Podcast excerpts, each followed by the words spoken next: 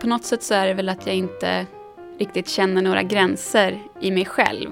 Jag ser mig faktiskt inte bara som forskare heller. Jag är inte så låst av den forskarrollen. Jag tycker att det kanske är någonting i min generation att liksom vi kanske inte tänker lika mycket i fasta yrkesroller på det sättet utan jag är främst en person med liksom vissa intressen. Och då har jag både kulturella intressen och eh, forskningsintressen och de flyter ihop. Och det är mitt verksamhetsområde. Du lyssnar på Curie-podden, en podd om forskningens villkor.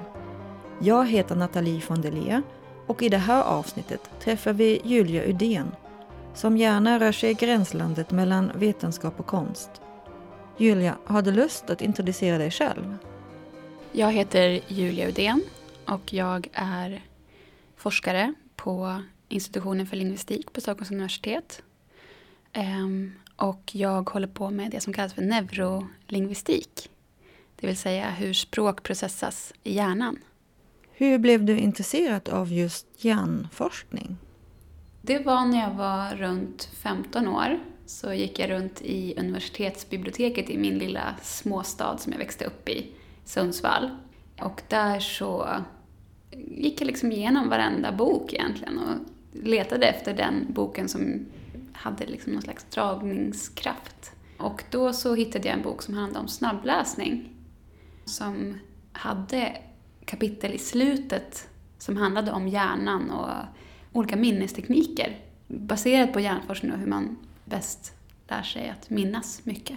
Och det där förstår jag ju idag att det är inte riktigt, alltså det är inte den bästa vetenskapen så, men det var det som liksom, de bilderna på hjärnan och det tänkandet kring, kring att man kan lära sig att använda hjärnan utifrån hjärnforskning, det var liksom det som lockade mig allra starkast då. Och varför blev du hjärnforskare? Jag blev hjärnforskare för att det var också det som jag hade idén om att det skulle vara en väldigt rättvis värld kan man säga. Att forskningen skulle vara en rättvis värld där det faktiskt finns ett rätt och ett fel. Och man, om man är duktig och jobbar hårt så kan man komma fram till det som är rätt. Och det var väldigt attraherande för mig. Att man kanske mest av alla olika kunskapsintensiva världar har någonting att mäta sig emot som är den här sanningen som vi kommer fram till med den vetenskapliga metoden. Jag hade upplevt många problem under min skolgång som mobbning och så. Och jag var medveten om det här med liksom ojämställdhet mellan kvinnor och män och sådär. Jag var feminist från en tidig ålder. Och då så, så, insåg jag att i ett sådant sammanhang där det finns en måttstock som är mer rättvis, där är det sammanhanget som jag vill vara.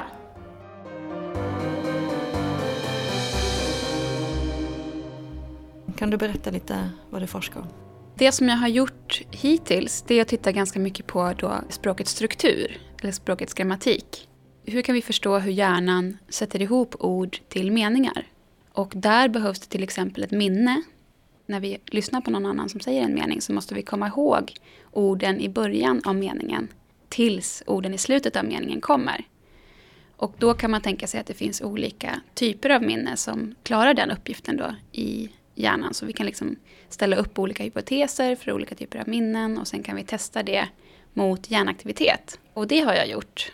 Då använder jag moderna hjärnavbildningsteknikerna där man tittar på hjärnans blodflöde. Och då är det ju naturligtvis så att blodet flödar till hjärnans språknätverk när vi ger försökspersoner uppgifter att förstå en mening till exempel. Hur kom du in på det här forskningsområdet? Jag gjorde min avhandling på Karolinska institutet. Och där så forskade jag på någonting som kallas för artificiella grammatiker. Så det är alltså när vi skapar ett påhittat språk som forskare för att titta på någon speciell aspekt. Det var det som jag gjorde då eh, och också eh, tittade på hjärnaktivitet i förhållande till hur hjärnan processar de här artificiella grammatikerna. Och eh, det kom jag väl in på kanske genom att jag hade eh, studerat matematik. Så det var liksom ett matematiskt sätt att se språkets struktur. Tidningen Curie har träffat Julia Udén tidigare. För fem år sedan var hon finalist i tävlingen Dance your PhD. En tävling som den vetenskapliga tidskriften Science anordnar. Tävlingen går ut på att gestalta sin egen avhandling genom dans. Och det passade perfekt för Julias avhandlingsämne om språkets mönstersekvenser som också finns inom musik och dans.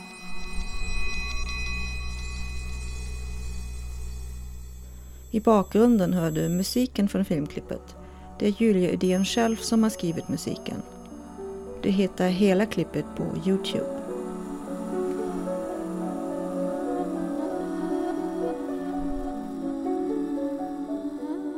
Det var liksom en samverkansidé att jag ville föra ut min forskning på ett roligt sätt. Eh, och då passade det ju väldigt bra i och med att jag kunde ta fasta på den här mönsterigenkänningen som jag hade forskat på. Hjärnans mönsterigenkänning för sekvenser som är samma för språk och dans och musik. Då skapade jag liksom en artificiell dansgrammatik kan man säga. På samma sätt som jag hade skapat en artificiell språkgrammatik i min avhandling så kunde jag göra en artificiell dansgrammatik till den här Dance Your PhD. Så det var liksom hela idén.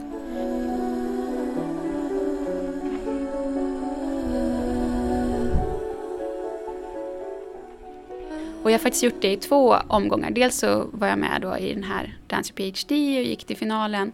Men sen så blev jag också uppringd av Tom Tits experiment i Södertälje. För de tyckte det här var en så rolig idé. Eh, och de skulle göra en utställning om musik.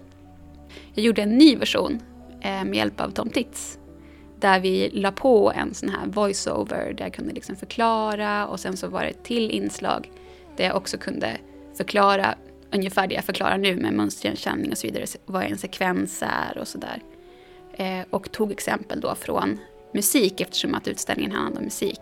Så att melodier egentligen har precis samma typ av struktur som en mening. Eh, så att eh, det blev ett eh, roligt inslag i den utställningen som de hade där också. Det är ju ämnat för barn då. Stimulera egentligen eh, barns kreativitet och och musikaliska kreativitet. Du är ju väldigt intresserad av gränslandet mellan eh, vetenskap och konst. Kan du berätta lite mer om det? Ja, det är väl liksom att jag på något sätt så är det väl att jag inte riktigt känner några gränser i mig själv. Alltså, jag ser mig faktiskt inte bara som forskare heller, utan jag, liksom, jag är inte så låst av den forskarrollen, så att säga. Jag tycker att det kanske är någonting i min generation att liksom vi kanske inte tänker lika mycket i fasta yrkesroller på det sättet. Utan alltså jag är främst en person med liksom vissa intressen. Och då har jag både kulturella intressen och eh, forskningsintressen och de flyter ihop. Och det är mitt verksamhetsområde. Så därför så, jag ser liksom ingen anledning att jag ska begränsa mig bara till att tänka på eh, klassiska forskningsuppgifter. För att det tycker jag också är liksom tydligt att om man har ett mer eh, brett input av olika idéer som man tar in så kan man också omsätta det. Man kan inte omsätta alla idéer men, men då har man liksom ett bredare urval som man sen kan omsätta de bästa idéerna till eh, då kanske mer banbrytande forskning. Förhoppningsvis. Ett brett och kreativt angreppssätt kan alltså leda till spännande och banbrytande forskning, menar Julia Udén. Men det går också åt andra hållet. Forskning kan också översättas till någonting kreativt och konstnärligt. Julia Udén berättar mer om samverkan. Jag ser mig inte som heller så isolerad som, som forskare. Liksom. Att, att eh, eh, det är bara jag som har en kunskapsutvecklingsprocess på min kammare ungefär. Det kanske är lite mer klassiskt sätt att se på hur en forskare jobbar. Jag ser det mer som att jag liksom sätter fingret på en fråga som jag tror att många i samhället är intresserade av att tänka på och eh, ha en kunskapsutveckling kring, att ha samtal kring. Och då så är det ju liksom, det blir en mycket mer intressant process om jag vänder mig utåt och pratar med andra personer.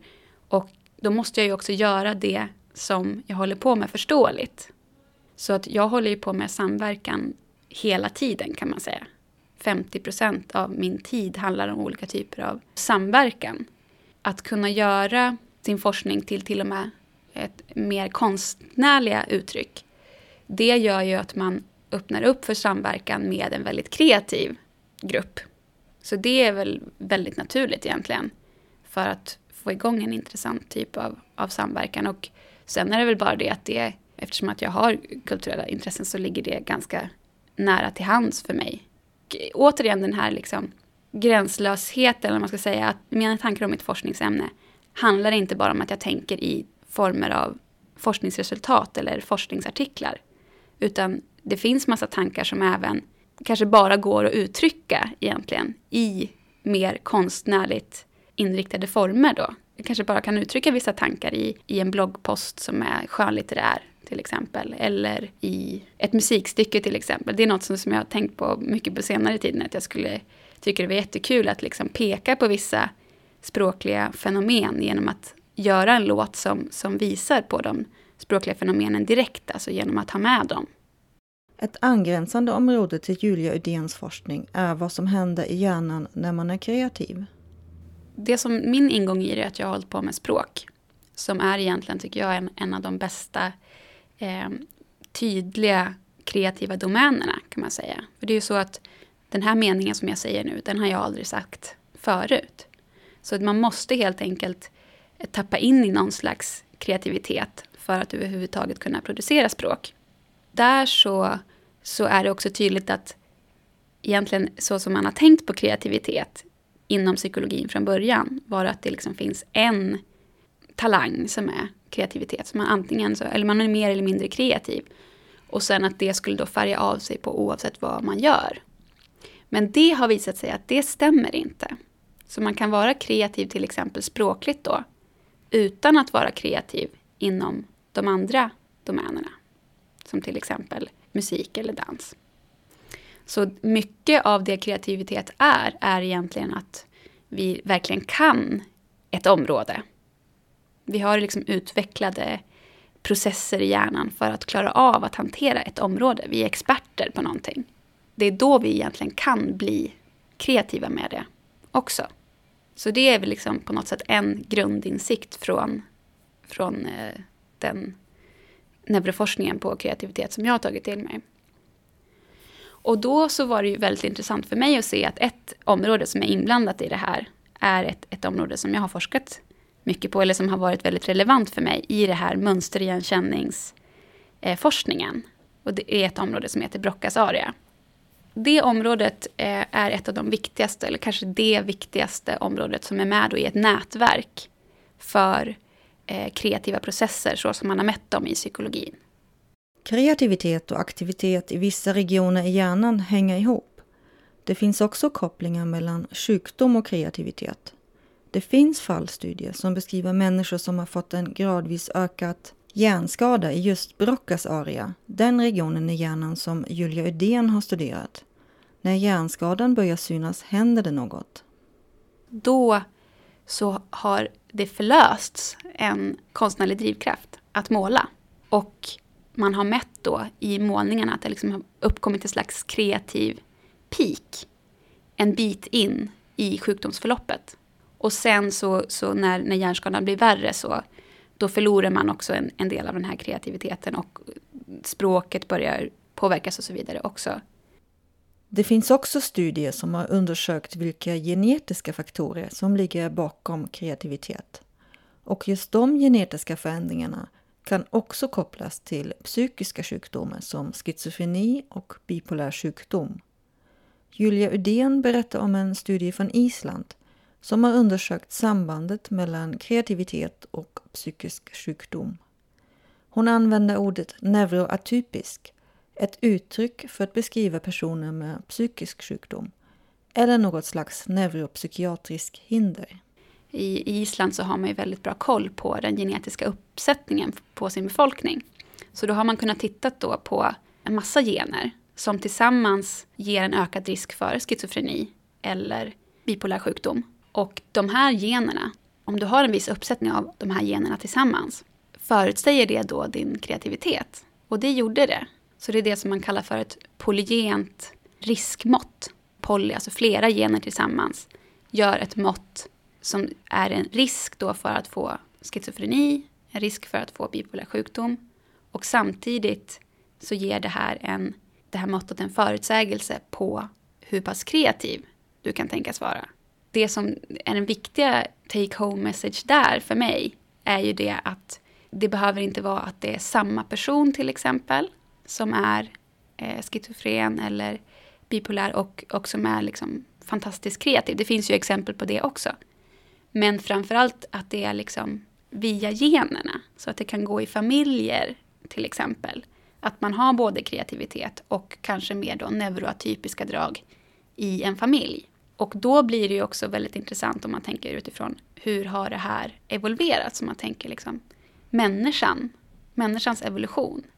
Vi har ju egentligen också mer neuroatypiska personer som vi tar hand om i mänskliga samhällen. I djur så, så, så är det ju liksom kanske svårare att överleva då, som neurotypiskt. Men, men vi har det som särdrag, mänsklig, ett mänskligt särdrag är att vi klarar av att ta hand om neurotypiska personer. Och samtidigt då så, så får vi ju en fördel för de här, av de här generna.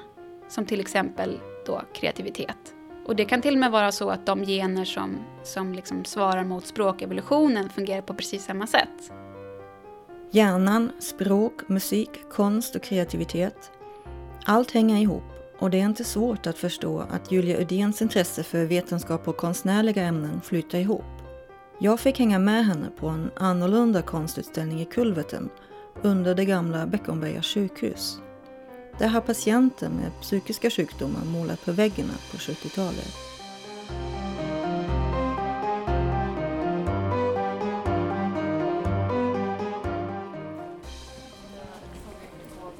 Var är vi nu? Jo, men vi är i kulverten under Beckomberga sjukhus. Jo, men det är ju sista chansen att se all den här konsten som, som målats av eh, patienter på mentalsjukhuset, Beckomberga sjukhus. Eh, eftersom att den här delen av tunneln ska grävas igen inom några månader. Eh, så vi har precis kommit ner i tunneln nu och eh, ser redan, tycker jag, prov på oanad kreativitet här. En typ av, av konst som liksom inte känner av de vanliga ramarna, vanliga reglerna inom den institutionella konsten. Många stockholmare var intresserade av att se konsten i tunneln. Jag tycker det är kul att det är så många som verkar ha hittat hit nu de här sista månaderna. Liksom. Det är inte bara vi, liksom det här konstgänget som har åkt ut hit utan det är liksom alla generationer och sådär. Det verkar vara liksom stockholmare generellt som tycker att det är en rolig utflykt. Vad tror du gör det här så intressant? Men det är väl historien liksom och eh, man kanske har till exempel sett den kopplingen på något sätt i släkten. Eller liksom bara att man har träffat personer som på något sätt själv personifierar den här korspunkten mellan galenskap och, och kreativitet. Eh, och att det, därför blir det ett väldigt liksom, potent ämne. För det på något sätt säger det liksom någonting om olika delar av oss själva också. Alltså alla, en människa är ju en så komplex sammansättning av, av kanske både galenskap och struktur. Och här får vi liksom då kasta oss i, i ena riktningen då, mot den här galenskapen och kanske också fantasin. Vi får inte veta någonting om patienterna men troligen är det två diagnoser som är överrepresenterade bland de som har medverkat till konstverken i tunneln patienter med schizofreni och bipolär sjukdom. Och det är just de diagnoserna som Julia Ödén nämnde tidigare i samband med den isländska studien som har visat ett samband mellan genetiska förändringar som ligger bakom både kreativitet och psykisk sjukdom. I början av tunneln finns mycket fantasiverk som en varelse som är en blandning av en apa och människa och har skog som hår. Det finns det liksom typexempel på patienter med en viss typ av skada i den främre temporalloben som får just problem med den typen av kategorier. Då. Vad är det egentligen som utgör en apa jämfört med en människa? Att liksom det blir lättare att blanda ihop den typen av sammansatta koncept för den patienttypen. Om man frågar en sån här patient, ja men hur är det nu, brukar bananer ha hattar? Då kan den patienten säga, ja men det är absolut, det är inga problem. Kulverten går sedan från det gamla sjukhuset till simhallen. Det börjar lukta klor och bilderna blir tematiska med fiskar och sjöjungfrur. Inte så spännande ur ett konstnärligt perspektiv kanske, men ett motiv fångar Julia Udéns intresse. Den här liksom, det här är ju någon som kan verkligen. Här finns det skills. Vad är det vi ser? Det är nästan som en liksom, äldre Jesusgestalt som sitter på en tunga i en mun då som man liksom ser gapet ner till strupen. Eh, och han liksom har en ganska ångestfylld position. Och tungan i sig vrider sig upp i en lite så här djävulusisk form. Men det blev väldigt snyggt med de här olika färgerna i, i liksom strukturen på tunneln. Det är alltså tungan på en, på en val som ska sluka upp den här personen. Just det, just det. Jag såg nästan inte att det var en val men det, ja, det är väl typ lite Moby Dick-inspirerat kanske. I slutet av tunneln finns den målningen som gjorde att konstverken stoppades. En scen där fångar rymmer från ett fängelse eller en anstalt. De är glada och upprymda. Bredvid den öppnade porten ligger en skadad vaktare. En av guiderna berättar lite mer. Just här nere har ni orsaken till att det stoppades. Orsaken till att vad? Till att målningarna stoppades. Att de fick måla längre. Eh, en, en blodig skötare med nycklarna samtidigt som det rymmer folk runt omkring honom. Och då eh, kom man fram till att nej, det var, no- det var någon hög direktör som sa att nu får det vara nog. Nu får ni inte måla längre. Så ser man här nästa bild så står det att förbjudet för känsliga personer och sen står det ren lite längre bort. Då, då, liksom, då hade de fått reda på att nu fick de inte måla längre. Jag förstår. Ja. Det var väl kanske någon som ville testa gränserna så att säga. Ja, kanske. Det är en viss typ av läggning också. Liksom.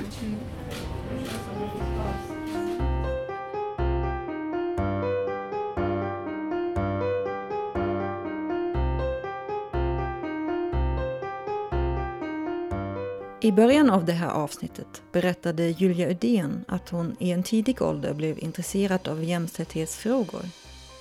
Nyligen fick hon priset For Women in Science som i Sverige delas ut av Sveriges Unga Akademi i samarbete med L'Oreal och Unesco. Priset syftar till att uppmärksamma unga, lovande kvinnliga forskare. Kan du berätta mer om ditt intresse för jämställdhet? Det är egentligen också någonting som har följt med mig väldigt länge. Från att jag var 15 och eh, blev feminist. Och eh, insåg liksom att det finns en maktordning då mellan könen. Där männen sitter på topp, fortfarande. Det blir ju väldigt tydligt om man tittar historiskt att det har varit så med kvinnlig rösträtt. Det är inte så gammalt och så vidare. Men att det där fortfarande sitter kvar. För där får man ju liksom kanske när man växer upp lite dubbla budskap. Men jag insåg ganska tidigt att, eller kom i kontakt med de idéerna, att det kanske faktiskt är så. Att den här maktordningen finns kvar. Och då vill jag ju liksom testa det. Så då har jag gått in i kanske klassiskt mansdominerade sfärer. För att se, liksom, stämmer det här verkligen?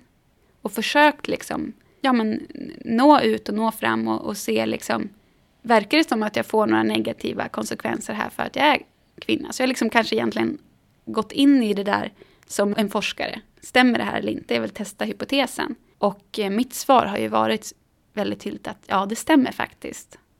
Tyvärr. Så är det det som jag har sett. Genom eh, min karriär från gymnasiet, så jag gick, gick ett eh, mattegymnasium som var väldigt mansdominerat. Där det var liksom väldigt inriktat på, på de manliga intressena och så vidare. Även fast vi var nästan lika många tjejer. Så var det liksom männen som fick sätta tonen på verksamheten. Och sen i, i nästa steg, när jag började forska och så vidare, så var jag också i ganska mansdominerade miljöer. Och där så, så märkte jag det att, att jag fick inte samma respons på mina idéer. Om, jag- om jag framförde någonting så fick jag ta mindre plats helt enkelt. Än om en man i samma ålder, eller liksom samma liksom position, hade sagt samma sak. Och när jag fick ta mest plats egentligen, det var liksom när jag hejade på andra män i omgivningen, som, nästan som en cheerleader. Och sen fanns det också väldigt många exempel på det här, verkligen en klassisk historia som många kvinnor har varit med om. Det är att man sitter på ett möte eller på en föreläsning och sen säger man någonting som är liksom relevant för det samtal som förs. Och man kanske inte får så mycket respons för, för det. Men sen nästa talare, till exempel som är en man då, i samma position som en själv ungefär, säger samma sak. Kanske på lite annat sätt, eller ja, nej men ungefär samma sak. Samma, och får jättemycket cred för det här. Och då blir det ju så himla tydligt för en att, ja, nej, det var faktiskt så att de lyssnade inte lika mycket på mig. De lyssnade till och med så lite på mig så att de inte ens märkte att det var samma sak som sades. Eh, och det blir ett ganska tydligt eh, exempel på att det faktiskt finns skillnader. Och sen då när jag, när jag liksom mognade i det här, att verkligen se det här, så, så insåg jag ju som forskare också att det här måste ju gå att visa. Och det är ju naturligtvis, det finns massa forskning som, som visar på sådana här effekter också. Den ojämlika behandlingen finns i alla steg i forskningsprocessen. Ett exempel är svarsfrekvensen på förfrågningar om att börja ett projekt inom en forskargrupp. Manliga studenter får oftare svar jämfört mot kvinnliga studenter. Studier har också visat att samma meriter i ett CV bedöms olika beroende om det är en man eller en kvinna vars meriter det handlar om. Och vetenskapliga publiceringar där en kvinna är första författare är svårare att publicera. Det börjar komma nu förslag på att man ska anonymisera publikationsprocessen. Och det tycker jag att, nej men varför ska vi inte göra det? Det är ju ganska självklart egentligen. Man har även gjort försök då. Det här är ett försök på en, en konferens som är i, inom mitt område för språkevolution. Så gjorde man ett försök där man hade i en omgång så var det inte anonymiserat och sen så, så anonymiserade man det andra året. Och så jämförde man de poäng som konferensbidragen fick de här två åren. Och mycket riktigt var det så att kvinnorna fick högre poäng när det var anonymiserat. Och det gällde framförallt de lite äldre kvinnorna. Senioritet då, som man säger, eller ålder egentligen, vetenskaplig ålder. Och eh, kön interagerar. Där det är liksom framförallt en eh, bias egentligen mot eh, mer seniora kvinnor. Som måste liksom vara bättre för att bedömas som lika bra vetenskapligt. Det finns också en tendens att förvänta sig mindre av kvinnor som har barn. Det sker ju inte alls på samma sätt om man har blivit pappa. Trots att ja, i Sverige så tänker vi oss i alla fall att vi liksom har en jämställd fördelning av, av, av arbetet i hemmet kring, och även kring vård av barn. Men där så blir det en väldigt stor skillnad då, att man liksom blir uträknad egentligen som, som eh, forskare om man är mamma.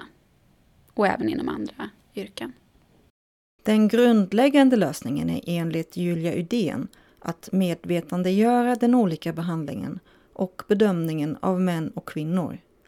I diskussionen är det bra att lyfta fram både forskning och personliga erfarenheter.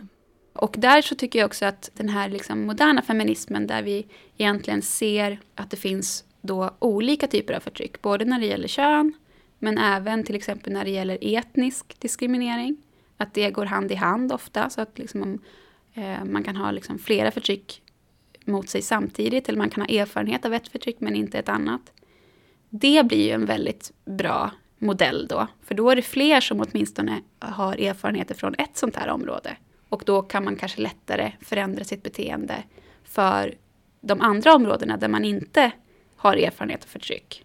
Jag har haft lättare att komma till rätta med olika typer av etnisk diskriminering som jag kanske har, har gjort då omedvetet i, i mitt liv. Att jag har liksom blivit en bättre antirasist, eller mina antirasistiska beteenden har förstärkts för att jag har haft så mycket erfarenheter av sexism som jag då har kunnat liksom omsätta i att ändra mitt beteende för inom ett annat område. Den viktigaste konsekvensen av att medvetandegöra är att ändra sitt eget beteende. Det är det man har kontroll över, påpekar Julia Udén. Och som utsatt kan man på ett medvetet sätt ta mer plats och inte nöjer sig med att saker är som de är. Det blir faktiskt bättre för alla om vi fixar det här systemet så att, så att det är jämställt. För då kommer, då kommer vi förlösa massa potential som finns hos kvinnor som inte kanske får komma till rätt, rätta i, i ett sexistiskt samhälle eller i ett patriarkat. Så att förändra sitt eget beteende är ju liksom det blir konsekvensen av att medvetandegöra hur det faktiskt ser ut. Ett hett debattämne inom jämställdhet är kvotering. Innan vi skiljs åt ger Julia Udén sin syn på frågan. Jag är även för kvotering och det är ur den aspekten att de privilegierade, framförallt vita män och så vidare, har kvoterats in under väldigt lång tid i forskningen. Alltså inte på ett uttalat sätt, men man har haft starka fördelar och privilegier om man har tillhört den gruppen. Så därför så behöver vi kvotera in idag för att motverka den balansen. Och för att uppnå då en kritisk massa av kvinnor eller personer med annan etnisk bakgrund inom vetenskapen. För då kan vi bygga en ny kultur.